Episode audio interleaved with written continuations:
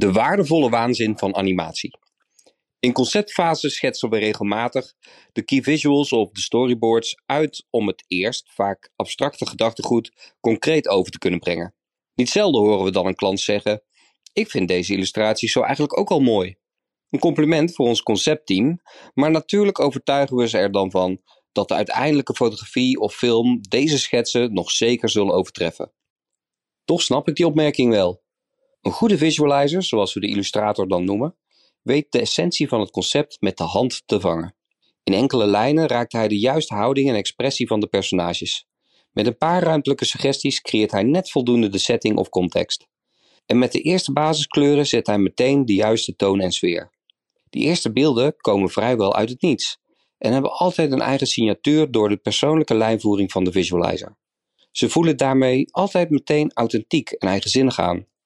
Toch zonder dat het dan alleen een schets is. Illustratie heeft dankzij die authenticiteit en eigenheid zeker de potentie om echt een eigen oorspronkelijke belevingswereld te worden.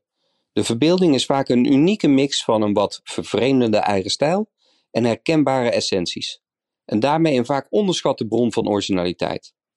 Ondanks deze magische meerwaarde wordt vrije illustratie relatief maar weinig ingezet als commerciële beeldtaal, want juist die authenticiteit en eigenheid is vooraf moeilijk voor te stellen en daarmee dus een onzekerheid.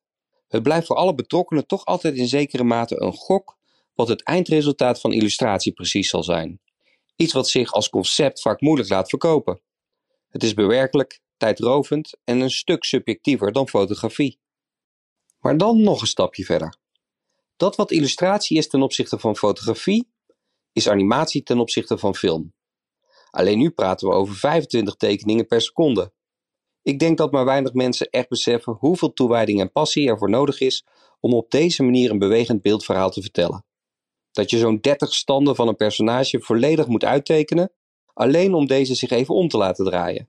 Het realiseren van een concept in animatie vergt dan ook een sterke overtuiging bij alle betrokkenen dat de beoogde boodschap zich echt het beste laat vertellen in zo'n eigen visuele wereld. Dat is lang niet altijd een vrije artistieke overtuiging. Vaak blijkt animatie heel geschikt om informatie te verduidelijken. Je kunt makkelijk in een gestileerde beeldtaal met versimpelde settings, iconen, symbolen, cijfers en tekst een leesbare verbeelding animeren van datgene wat wordt verteld en uitgelegd.